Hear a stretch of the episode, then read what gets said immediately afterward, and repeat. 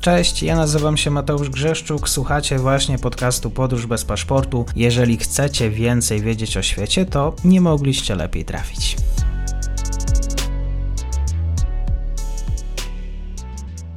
Dzień dobry wszystkim słuchaczom. Dzisiaj tematy brytyjskie. Moim gościem jest pan dr Grzegorz Gil, adiunkt w Katedrze Bezpieczeństwa Międzynarodowego UMC z Lublinie, Team Europe. Dzień dobry panie doktorze. Dzień dobry, witam pana, witam wszystkich słuchaczy podcastu Podróże bez paszportu. Brytyjski premier Boris Johnson wiedział z wyprzedzeniem o imprezach w ogrodzie na Downing Street. Podobno miał się na nie zgodzić.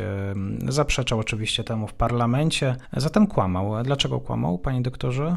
No ja nie jestem zaskoczony, ponieważ polityka w XXI wieku niestety bardzo często oznacza mijanie się z prawdą i oswajanie się z prawdą w czasie rzeczywistym, równolegle do wymyślania sposobu reakcji, amortyzowania potencjalnych szkód. I tutaj wygląda to dokładnie tak samo. Mamy do czynienia z y, bardzo wyraźną niekonsekwencją. Jest to skandal związany z tym, że rząd, gabinet y, od miesięcy, lat powtarza Brytyjczykom, jak mają zachować się odpowiedzialnie, biorąc pod uwagę restrykcje i próbę zahamowania pandemii, kolejnej już fali, dzisiaj szalejącego omikrona na wyspach. No, a z drugiej strony no, odbywają się spotkania w szerszym, węższym węższym gronie współpracowników e, przy Downing Street, jak gdyby nigdy nic. Ludzie e, świętują, dobrze się bawią, żartują, być może nawet, no proszę wybaczyć, kpią z tego wszystkiego, co dzieje się na zewnątrz. To w tej atmosferze narastającej frustracji jest niewątpliwie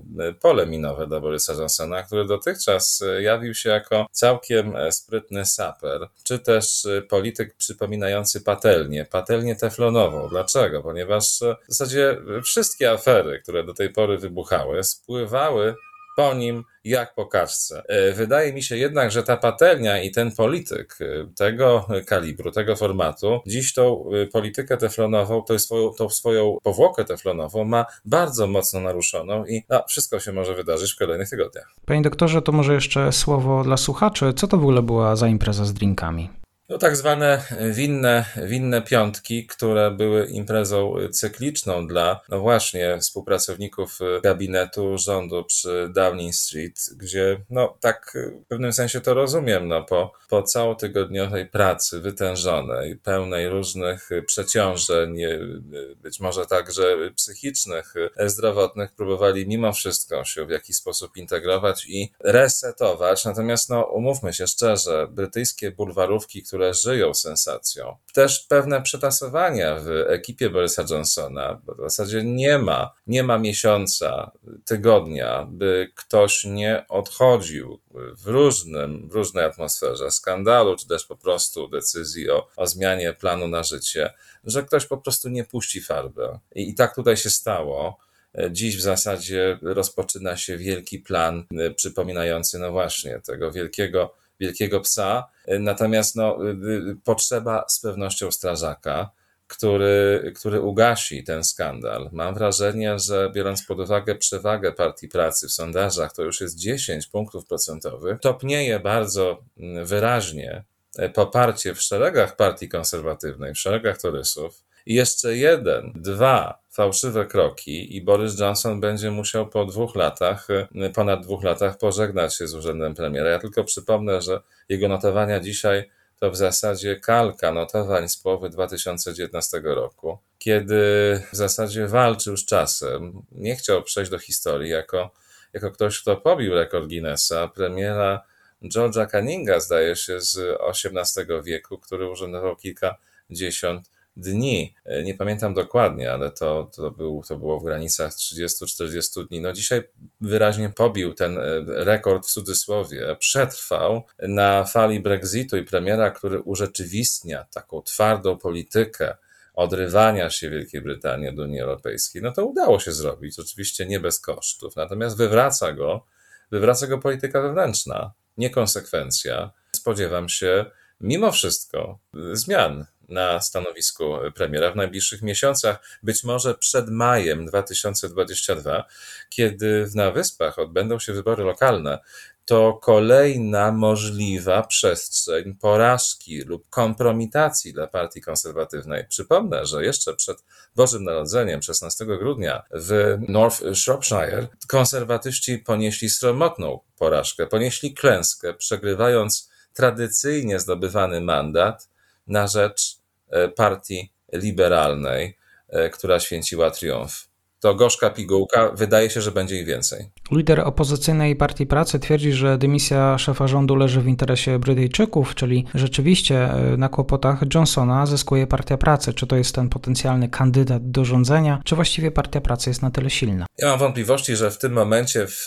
jeśli chodzi o Partię Pracy, jej lidera, to przyjmą postawę wyczekiwania Podobnie zresztą mm, jak wyglądało to w kontekście negocjacji brexitowych, gdzie specjalnie nie wychylali nosa, mm, bojąc się, że to może ich bardzo słono kosztować.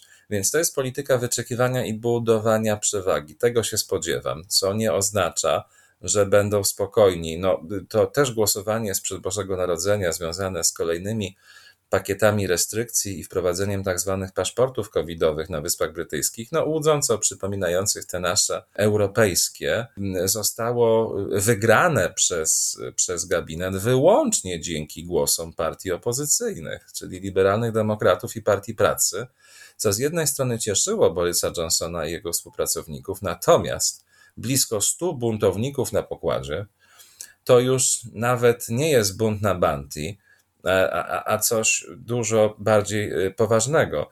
I y, od y, wydarzenia do wydarzenia może to oznaczać, że za plecami Borysa Johnsona rośnie kandydat do przejęcia schedy. Natomiast to z drugiej strony trudno mi sobie wyobrazić, by ktoś palił się do tej roli, ponieważ zadanie jest wyjątkowo trudne. Wyjątkowo trudne, by ugasić pożar, to jeszcze prawdopodobnie da się zrobić środkami doraźnymi, w dużej mierze e, mającymi na celu e, kupienie trochę czasu, kupienie czasu, grę na czas. Natomiast no, w perspektywie kolejnych miesięcy czy lat, no, nie wiemy, ile jeszcze pandemii przed nami, też ile być może niekonsekwencji.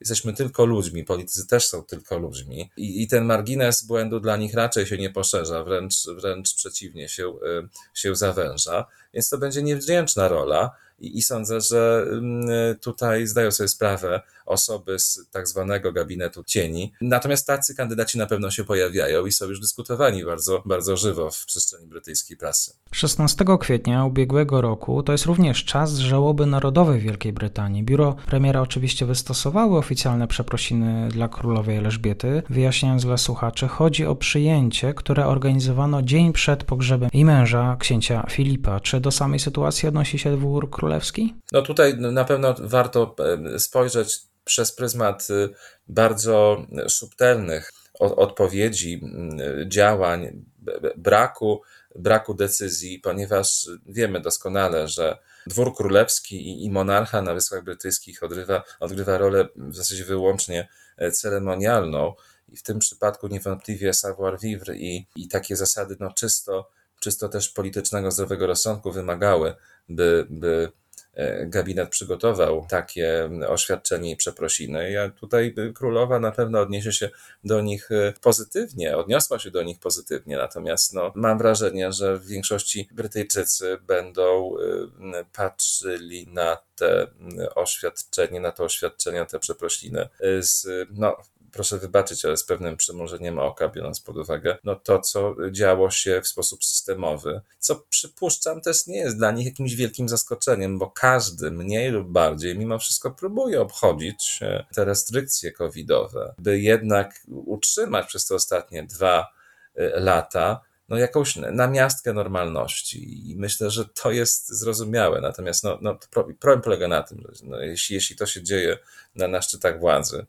E, a, a nie przypuszczam, by królowa Elżbieta, książę Karol, książę William i, i cała świta dworska no, łamali z premedytacją e, no właśnie, powiedziałbym, pewnego rodzaju etykietę covidową, to, to, to tu niewątpliwie uwaga społeczeństwa skupia się na rządzie. No i, i, i o ile no, głowę polityczną królowej, ona jest chroniona o tyle, jeśli chodzi o premiera, rządu jej królewskiej mości, to tutaj jesteśmy otwarci na, na zmiany i, i, i myślę, że do tej zmiany dosyć szybko dojdzie.